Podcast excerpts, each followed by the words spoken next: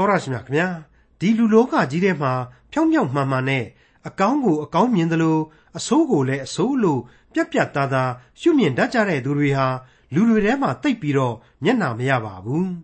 ရေးလိုက်ငားလိုက်နဲ့အပေးအယူအလျှော့အတင်းလုပ်ပြီးနေရကြတဲ့သူတွေသာတာစားပြီးတွင်ကျယ်နေကြပါတယ်ဒါပေမဲ့လို့ဖြောင်းမှန်တဲ့သူတယောက်ဟာအများမိုးခါရီတောက်တယ်လို့မတောက်ဖဲနေလို့အများကဝိုင်းပယ်စွန့်ပစ်ခြင်းခံရပေမဲ့ ထမင်းငတ်ပြီးတောင်းစားရတယ်ဆိုတာဒီလောကမှာတခါမှမမြင်ဘူးဘူးလို့ဆိုထားတဲ့ခရိယန်တမန်ကျမ်းဓမ္မဟောင်းကျမ်းပိုင်းတွေက38ခုမြောက်သောစာလံကျမ်းနဲ့38ခုမြောက်သောစာလံကျမ်းတို့ကိုဒီကနေ့တင်ပြရသောတမန်ကျမ်းအစီအစဉ်မှာလေ့လာမှာဖြစ်ပါတယ်။ထာဝရရှင်မြတ်စွာဘုရားသခင်ရဲ့ကျေးဇူးတရားတော်ကိုကြိုးစားကျင့်ဆောင်တဲ့အတွက်ယန်တတ္တရုပြုအသက်ကိုပင်ရန်ရှာခံရတဲ့အထိစိုးစိုးဝါးဝါတွေ့ကြုံခံစားရတာကြောင့် ဖျားရှင်နဲ့ပိုးပြီးနီးဖို့ရန်ဖြစ်တဲ့အကြောင်း38ခုမြောက်သောဆာလံကျမ်းနဲ့38ခုမြောက်သောဆာလံကျမ်းတို့ကိုဒေါက်တာထွန်းမြတ်အေးကအခုလိုသုံးသပ်တင်ပြมาဖြစ်ပါတယ်။သောတရှင်မိတ်ဆွေအပေါင်းတို့ခမညာဒီကနေ့ကျွန်တော်တို့အားလုံးဆက်လက်လေ့လာရမယ့်သင်ခန်းစာတွေကတော့38ခုမြောက်သောဆာလံတည်ခြင်းသင်ခန်းစာတွေနဲ့စပြီးလေ့လာသွားကြမှာဖြစ်ပါတယ်။အနာဂတ်အတွက်တာကောင်းကြီးမင်္ဂလာဆိုပြီးတော့ခေါင်းစဉ်ပေးရမယ့်ဆာလံတည်ခြင်းလို့ကျွန်တော်ဆိုချင်ပါတယ်။ ဒါဝိမင်းကြီးရဲ့လက်တွေ့ဘဝသင်ခန်းစာတွေရဲ့ဣသရေလလူမျိုးတော်ရဲ့ခရစ်တော်ကိုယုံကြည်လက်ခံသူအစိတ်အပိုင်းအဖို့ကောင်းကြီးမင်္ဂလာများဖြစ်စီမယ်ဆိုတဲ့ဗျာဒိတ်တော်တွေရဲ့အလုံးပေါင်းစုထားတဲ့ဆာလံတေးတပုတ်လို့ကျွန်တော်သတ်မှတ်ချင်ပါတယ်ဒီဆာလံတည်ခြင်းရဲ့သဘောတရားကတော့ခရစ်မတ်ဆိုတဲ့ဝေါ်ဟာရကိုတည်ခြင်းဖွဲ့ဆိုပြီးတော့ကျူးရင်ကြရမှာစီဆိုတာဟာ Christ the child ခရစ်တော်ယေရှုဖြစ်တယ် H ဆိုတာဟာ herald R ဆိုတာဟာ Redeemer အဲ့ဒီလိုအတိတ်ပဲအားလုံးပေါင်းစုလိုက်တော့မွေးနေ့ခရစ်စမတ်ပွဲတော်ဆိုတဲ့အလွန်ကြည်နူးပွေတေးသချင်းကိုအကျယ်ချဲ့ထားတဲ့ဟန်ပန်မျိုးအတိုင်းပဲဒီဆာလံတီချင်းဟာတိဆောက်ထားခြင်းဖြစ်တယ်လို့ကျွန်တော်တင်ပြခြင်းပါတယ်မိတ်ဆွေအပေါင်းတို့ခမညာ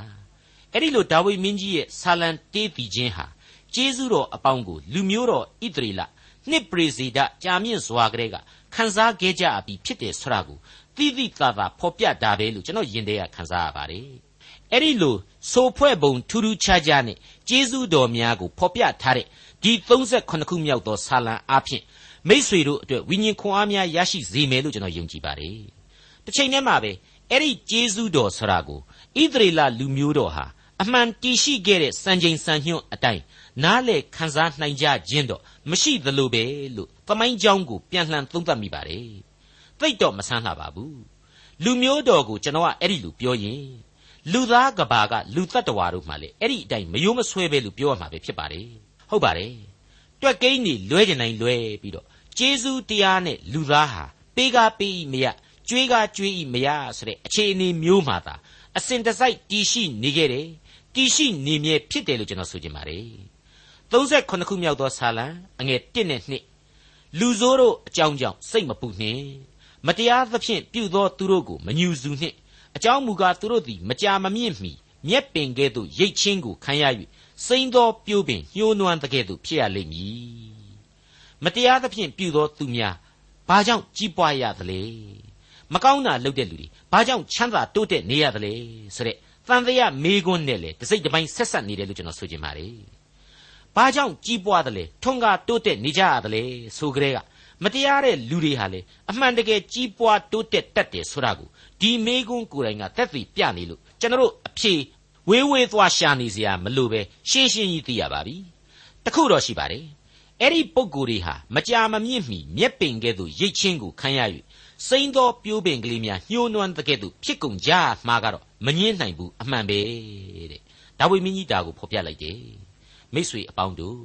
အခုဆာလံတီချင်းဟာဓမ္မဟောင်းကာလရဲ့ပြီးခြင်းဖြစ်ပါတယ်။တမန်ကျမ်းစာဆိုင်ရာဂရိတော်တွေအကြောင်းကိုကျွန်တော်မကြာခဏရှင်းပြတတ်ပါတယ်။ဓမ္မဟောင်းကျမ်းမှာဘုရားသခင်ဟာလူမျိုးတော်ကိုလောကဆိုင်ရာပိုင်ဆိုင်မှုတွေအတွက်ဂရိသစ္စာတွေအမျိုးမျိုးပေးပြီးတော့မင်းတို့ကိုမြေကြီးပေးမယ်။ငါနေစရာချထားပေးမယ်။ စားစရာတွေပေးမယ်။သိုးနွားတရိษံတွေပေးမယ်ဆိုတာတွေကိုပြောင်ကြကြဘုရားသခင်ဂရိပြုခဲ့ပါတယ်။ဓမ္မဟောင်းကျမ်းတွေမှာပါ။ခရစ်တော်အားဖြင့်တိဆောက်လာတဲ့ဓမ္မသစ်ကာလမှာကျတော့အဲ့ဒီလိုလောကဗန္တာပစ္စည်းနဲ့ပတ်သက်ပြီးတော့ငါဘာတွေညာတွေပေးမယ်ဆိုတဲ့ဂရိတွေကိုမပေးခဲ့တော့ဘူးကောင်းကင်နိုင်ငံတော်အမွေဥစ္စာကိုသာပေးမယ်ဆိုတဲ့ဂရိအခိုင်အမာပြုခဲ့ပါတယ်ဒီအကြောင်းတွေကိုကျွန်တော်သင်သိရသောတမန်ကျမ်းသင်ခန်းစာရဲ့သင်ခန်းစာပေါင်းမြောက်များစွာမှာရှင်းပြခဲ့ပြီးပါပြီ အဲ့ဒီလိုကျွန်တော်ကပြောတော့ခရစ်တော်ကာလလူအဖွဲ့အစည်းကိုဖျားသခင်ကအငတ်များထားသလားဆိုရင်တော့မဟုတ်ပါဘူးကောင်းကင်စာငှက်ကလေးတွေကိုတောင်မှငါဟာကြည့်ရှုနေတယ်မင်းတို့ရဲ့သပင်အရေးအတွက်ကိုတောင်ငါသိတယ်ဖြောင့်မတ်ခြင်းတရားနဲ့နိုင်ငံတော်ကိုသာရှေးဥစွာရှာကြနောက်မှလိုတဲ့အရာတွေကိုငါထပ်၍ပေးမည်ဆိုတာမျိုးတွေကိုကျွန်တော်တို့တွေ့လာရပြန်ပါတယ်မိษွေအပေါင်းတို့ပြည့်ညတ်တော်ကာလရဲ့လူအဆောက်အုံပုံတရံနဲ့ ကျေးဇူးဂရုဏာတော်ခံစားရခရစ်တော်ရဲ့အချိန်ကာလလူအဆောက်အုံပုံတရံဟာကွာခြားနေပါပြီဒီကနေ့လူသားတွေမှာဘုရားသခင်အလိုချင်ဆုံးသောအရာဟာသူ့အပေါ်မှာယုံကြည်ခြင်းကယ်တင်ရှင်သခင်ခရစ်တော်ပေးတဲ့အသက်လမ်းကိုလိုက်လျှောက်ခြင်းပဲလို့ကျွန်တော်အလေးအနက်တင်ပြခြင်းပါတယ်မိษွေအပေါင်းတို့မနာလိုတိုးရှိအင်မတန်နိုင်တတ်တဲ့လူဘဝလူသဘောသဘာဝကိုနောကြီးနေအောင်သိတာကြနေတာပါပဲပတ်ဝန်းကျင်ကလူညစ်ပတ်တွေ မတော်မတဲ့လုပ်ပြီးချမ်းသာကြီးပွားနေတဲ့လူတွေကိုမင်းတို့ကြည့်ပြီးတော့နတ်ကရာမှာကြီးမောလုံမနေကြနဲ့တဲ့ဒါဝိမင်းကြီးဖွဲ့ဆိုလိုက်တယ်ဒါဟာဘုရားသခင်ရဲ့အလိုတော်ပဲ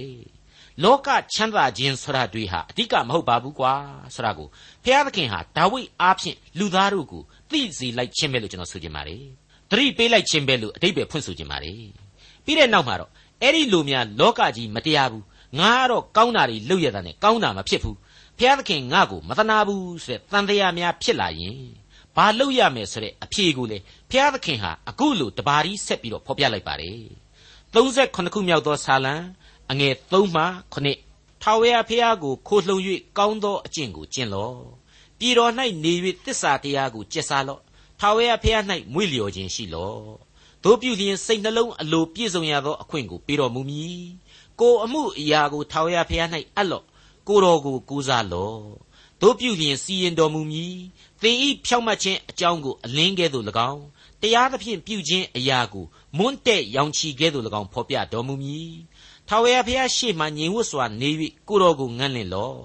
မိမိအမှု၌အောင်တတ်သောသူမကောင်းသောအကြံအစီတို့ကိုပြီးစည်းစေသောသူ၏အကြောင်းကြောင့်စိတ်မပူနှင့်ကဲနောက်ထပ်အပိုဆောင်းเสียမလိုတော့အောင်အဖြေဟာရှင်းနေပါလေ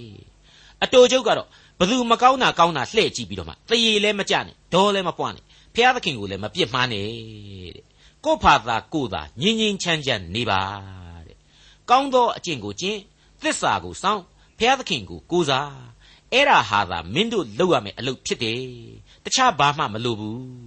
အဲ့ဒီနီးအားဖြင့်ဘုရားသခင်အနေနဲ့သူ့ဖာသာသူစီရင်သွားလိမ့်မယ်တဲ့မိษွေတို့ရဲ့စကလုံးနဲ့ဖော်ပြမထားပေမယ့်မှတ်ကျုံးတဲ့အချက် သိသာစွာရယူအပ်တဲ့အချက်တစ်ခုဒီအထဲမှာပေါ်နေပါတယ်အဲ့ဒါကတော့ဝေါ်ဟာရလေးနှလုံးထဲပါစောင့်ကြည့်တဲ့ဒါလေးပါပဲမိษွေအဲ့ဒီလိုစောင့်ကြည့်ဆိုတဲ့နေရာမှာကိုဟာစိတ်ဝိညာဉ်ကိုအစဉ်ပြေဝစေပြီးတော့ကိုမနောဓာတ်ခံမှာကိုကဖြူစင်ခြင်းရှိရမယ်ဆိုတာဟာလေနောက်ထပ်သိလာနေပြန်ပါတယ်ဒီတော့အားလုံးပေါင်းစုလိုက်မယ်ဆိုရင်ဖြူစင်သောစိတ်နှလုံးနဲ့စောင့်ကြည့်ဆိုတဲ့အချက်ပေါ်လာပါတယ်ရှင်းနေပါတယ် သူများဒုက္ခရောက်တာကိုစောင့်ကြည့်ဖို့မဟုတ်ပါဘူးဖျားသခင်ပြုတော်မူသောကျေးဇူးတော်ကိုသာငန့်လင့်ဆောင်ဆိုင်ဖို့ဖြစ်ပါတယ်38ခုမြောက်သောဆာလံအငယ်8မှ15အမျက်မထွက်စေနှင့်ဒေါသစိတ်ကိုစွန့်ပယ်လော့ပြစ်မှားစေခြင်းဟာတိုက်တွန်းတတ်သောစိတ်မရှိစေနှင့်ပြစ်မှားသောသူတို့သည်ပယ်ရှင်းခြင်းကိုခံရကြလိမ့်မည်ထာဝရဘုရားကိုမျှော်လင့်သောသူတို့မူကားပြည်တော်ကိုအမွေခံရကြလိမ့်မည်ခဏကြာပြီးမှမတရားသောသူသည်မရှိရ သူ၏နေရာကိုစိစိရှာ၍မတွေ့ရစိတ်နှိမ်ချသောသူတို့မူကားပြည်တော်ကိုအမွေခံ၍များပြားသောညီသက်ချင်း၌မွေ့လျော်ကြလိမ့်မည်မတရားသောသူသည်ဖြောင့်မတ်သောသူတစ်ဖက်၌ကြံစီ၍အံသွားခဲကြိတ်တတ်၏သို့တော်လည်းသူ၏နေ့ရဲ့အချိန်ရောက်မည်ကိုဖျားရှင်သိမြင်၍သူ့ကိုပြုံးရည်တော်မူ၏မတရားသောသူတို့သည်ဆင်းရဲငတ်မွတ်သောသူတို့ကိုလှဲချခြင်းဟာ၎င်းဖြောင့်မတ်စွာကျင့်သောသူတို့ကိုတတ်ခြင်းဟာ၎င်းဓာကိုထုတ်၍လေးကိုတင်လျက်နေကြ၏ သို့တော်လည်းသူတို့ဓာသည်သူတို့နှလုံးထဲသို့ဝင်လိမ့်မည်သူတို့လေးတို့သည်လည်းကြိုးကြလိမ့်မည်ဒုက္ခဆင်းရဲခြင်းတို့ရဲ့ကာလဖြစ်တဲ့ကပ်ကာလအတွက်ဗျာဒိတ်တီဟာအလွန်ထင်ရှားစွာနဲ့ပေါ်လွင်နေပါတယ်ဟုတ်ပါတယ်ဒီအပိုင်းတွေဟာဘုရားသခင်သိစေခြင်းတဲ့ဗျာဒိတ်တွေပဲဖြစ်ပါတယ်စစ်ပွဲကြီးတွေရဲ့အနိဋ္ဌာယုံတွေကိုဖော်ပြထားတာလို့တစ်ဖက်ကမြင်ရမှာဖြစ်တယ်လို့မတရားသောသူတို့အတွက်အဆုံးစွန်သောစီရင်ခြင်းသဘောကို ပို့ပြီးတော့မိမောင်းထိုးဖော်ပြနေကြောင်းအတိတ်ပဲဖွင့်ဆိုလိုက်ပါရစေ38ခုမြောက်သောဆာလံအငယ်16မှ20ဖြောင့်မတ်သောသူ၌နဲသောဥစ္စာသည်မတရားသောသူကြီးတို့၌ကြွယ်ဝသောဥစ္စာတဲ့သာ၍ကျေးဇူးရှိ၏အကြောင်းမူကားမတရားသောသူ၏လက်ယုံသည်ကျိုးရလိမ့်မည်ဖြောင့်မတ်သောသူကိုကထာဝရဘုရားမဆတော်မူ၏ဖြောင့်မတ်သောသူတို့၏နေ့ရက်ကာလကိုထာဝရဘုရားသိမှတ်တော်မူ၍သူတို့၏အမွေဥစ္စာသည်အစဉ်အမြဲတည်လိမ့်မည်သူ တို့သည်ခဲရင်သောကာလ၌မျက်နှာမပြက်အစာခေါင်းပါသည်ကာလ၌ဝါစွာစားရကြ၏မတရားသောသူတို့မူကားပျက်စီးခြင်းသို့ရောက်ရကြမည်ထာဝရဘုရား၏ရန်သူတို့သည်ကျက်စားရအရ၌အသရေကဲ့သို့ဆုံ၍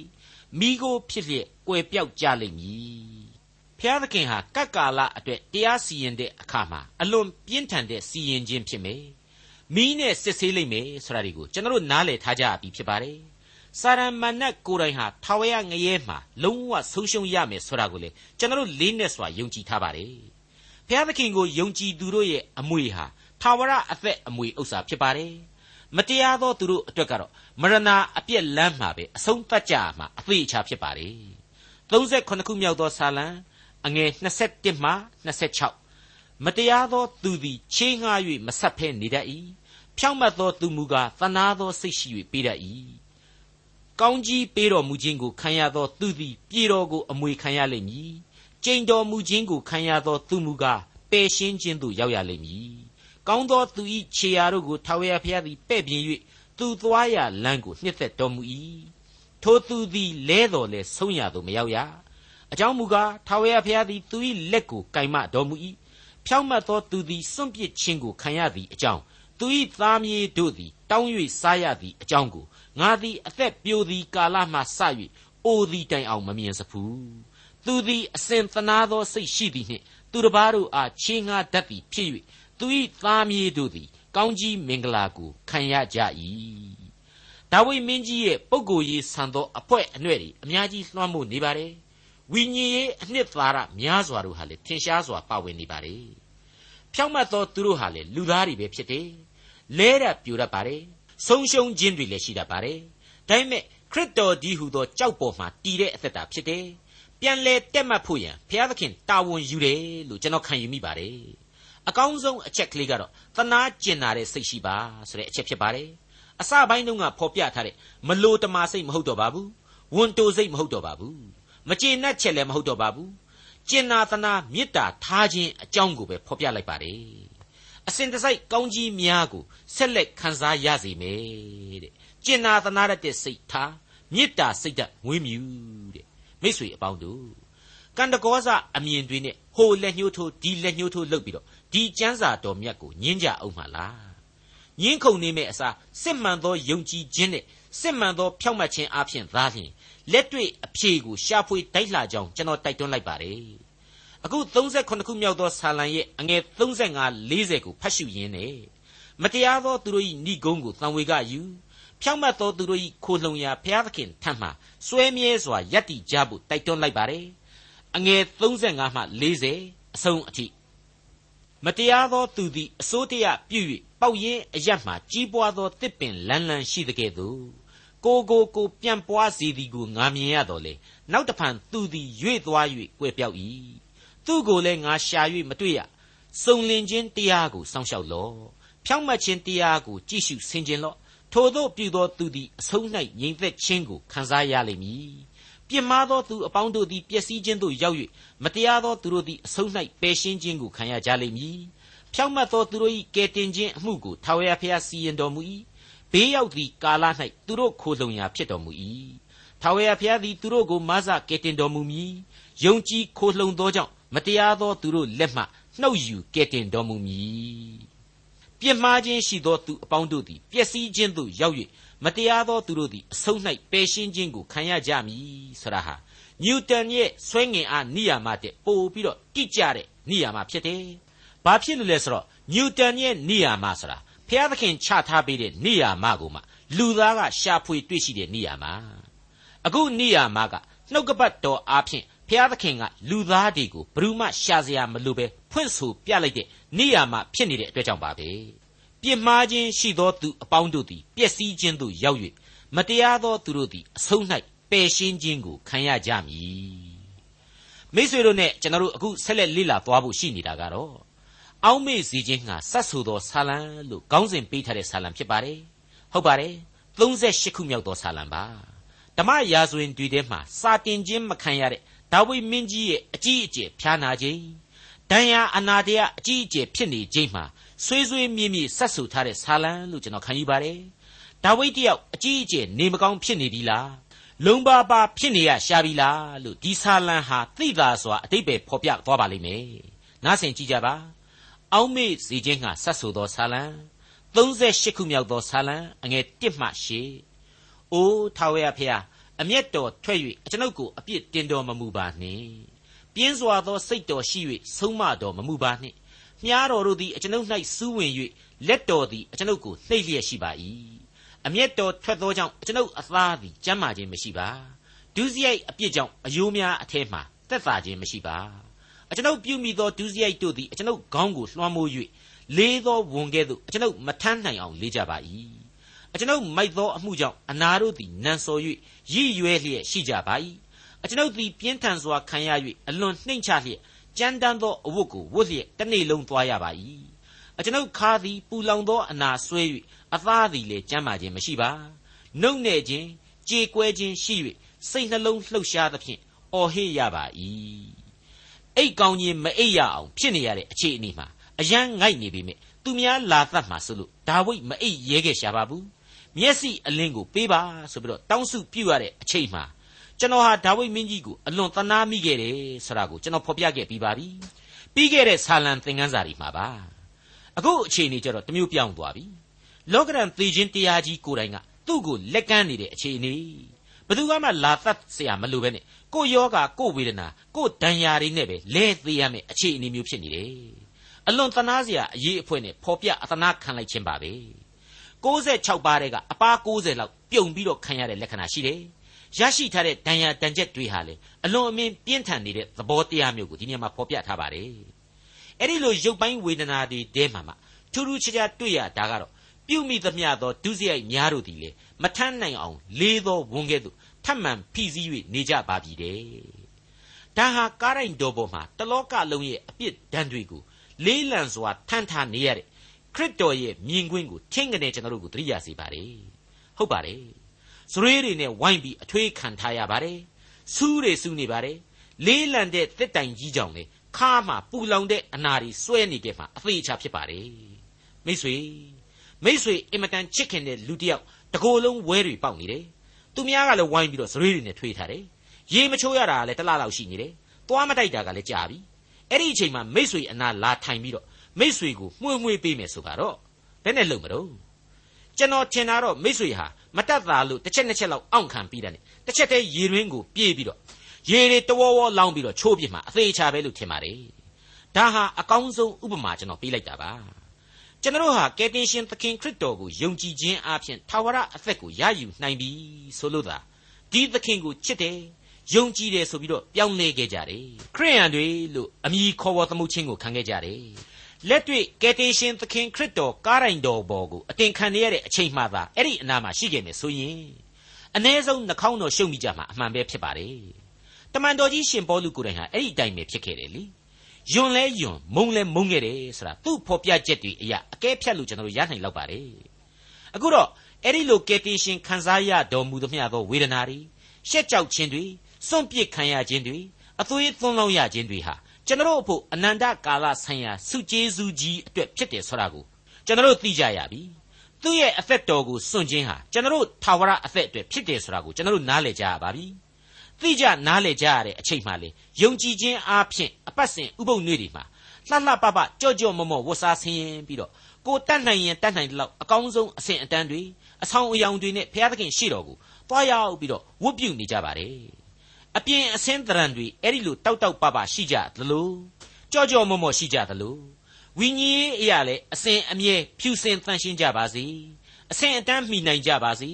ဘုရားသခင်နှစ်လိုပွဲသောအစဉ်အတန်းမှာတည်ရှိတည်နေကြပါစေလို့ကျွန်တော်တို့ဆုတောင်းပေးလိုက်ပါတယ်ကျွန်တော်ကဒီနေရာမှာအခုလို့နှိုင်းရှင်ချက်တရုပ်နဲ့တင်ပြခြင်းဟာအကြောင်းရှိပါတယ်ရုပ်ဝတ္ထုအင်အားတို့ကြီးစိုးနေတဲ့ကမ္ဘာလောကမှာအသင်းတော်အဖွဲ့အစည်းတို့အဖို့ ရုပ်ပိုင်းဆိုင်ရာလိုအပ်ချက်တွေဟာလေအမှန်တကယ်လိုအပ်မှုတွေပိုးပူလာနေပါတယ်အသွင်သဏ္ဍာန်အရပြောင်းလဲတိုးတက်ရမှုတွေဟာလေလိုက်လျောညီထွေလိုအပ်လာတယ်ဆိုတာမငြင်းနိုင်ပါဘူး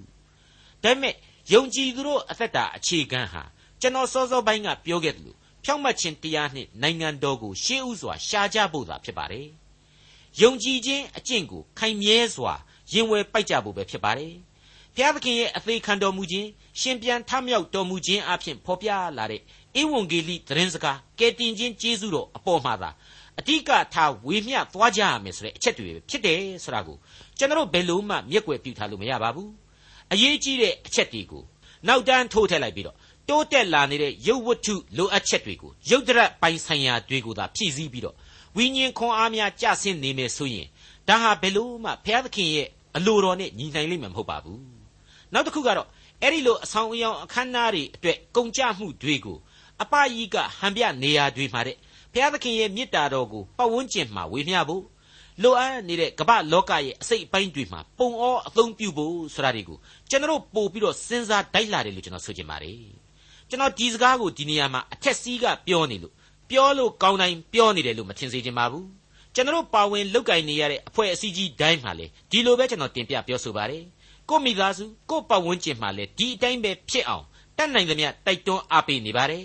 ဒီအတွေးခေါ်ကနေကိုယ်တိုင်လည်းမလွတ်ရအောင်သတိထားနေရကြောင်းဝန်ခံလိုပါတယ်မိษွေတော်တတ်ရှင်အပေါင်းတို့ခမညာအခုအချိန်မှာတော့38ခုမြောက်သောဆာလံအငယ်6မှ16ကို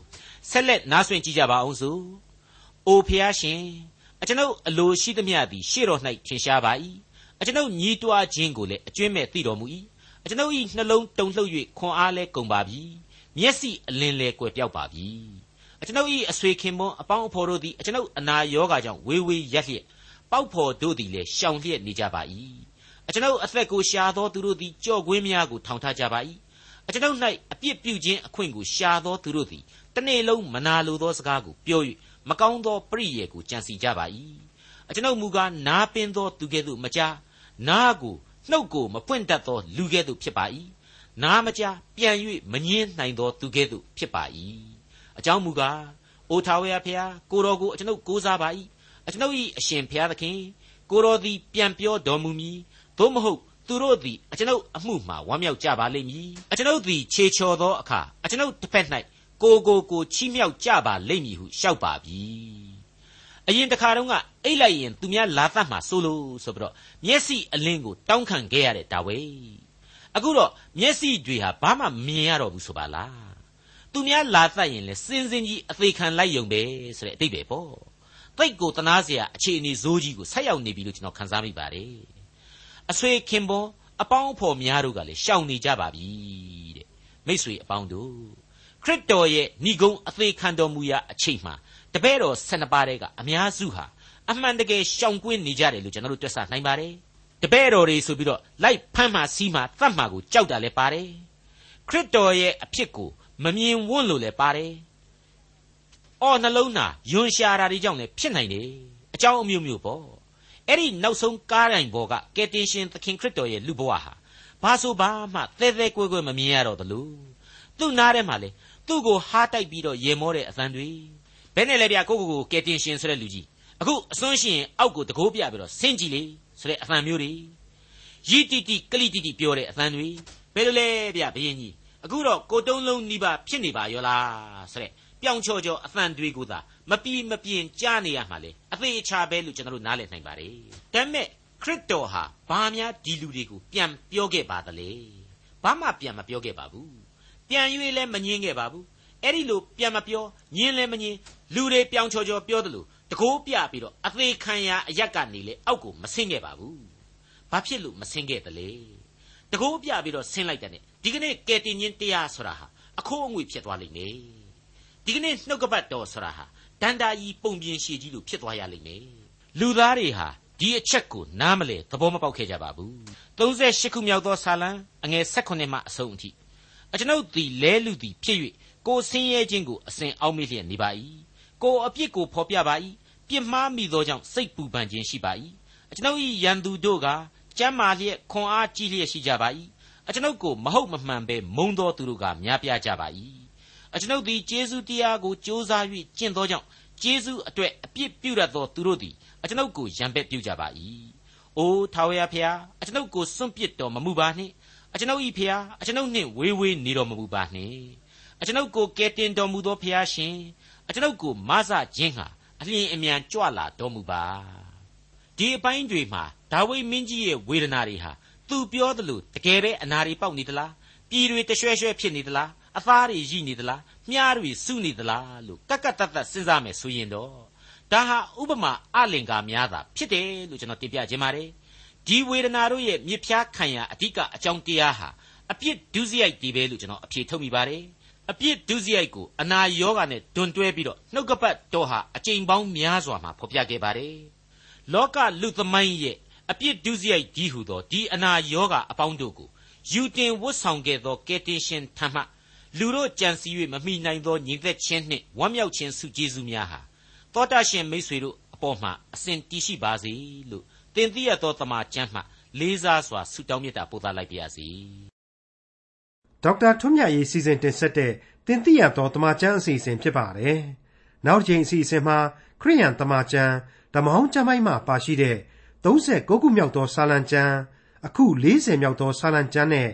40ခုမြောက်သောစာလံကျမ်းတို့ကိုလေ့လာမှဖြစ်တဲ့အတွက်စောင့်မျှော်နားဆင်နိုင်ပါတယ်။